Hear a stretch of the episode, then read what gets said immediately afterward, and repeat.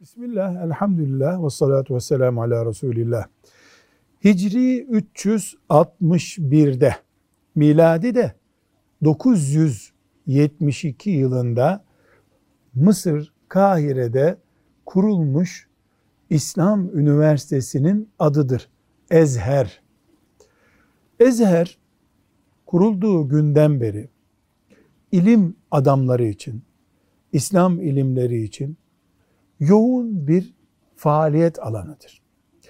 Hala dört mezhebin fıkhının ayrı ayrı okutulduğu, Kur'an üzerine, tefsir üzerine, fıkıh üzerine çalışmaların yapıldığı büyük bir ilim merkezidir. Napolyon'un Mısır'a girmesiyle beraber Ezher'in Müslüman insanlar üzerindeki etkisi anlaşıldığı için Ezher'e direkt ya da dolaylı müdahaleler yapılmıştır. Ama bu müdahalelere rağmen inşallah hala İslam ilimlerinin okutulduğu bir merkezdir diye düşünmek istiyoruz.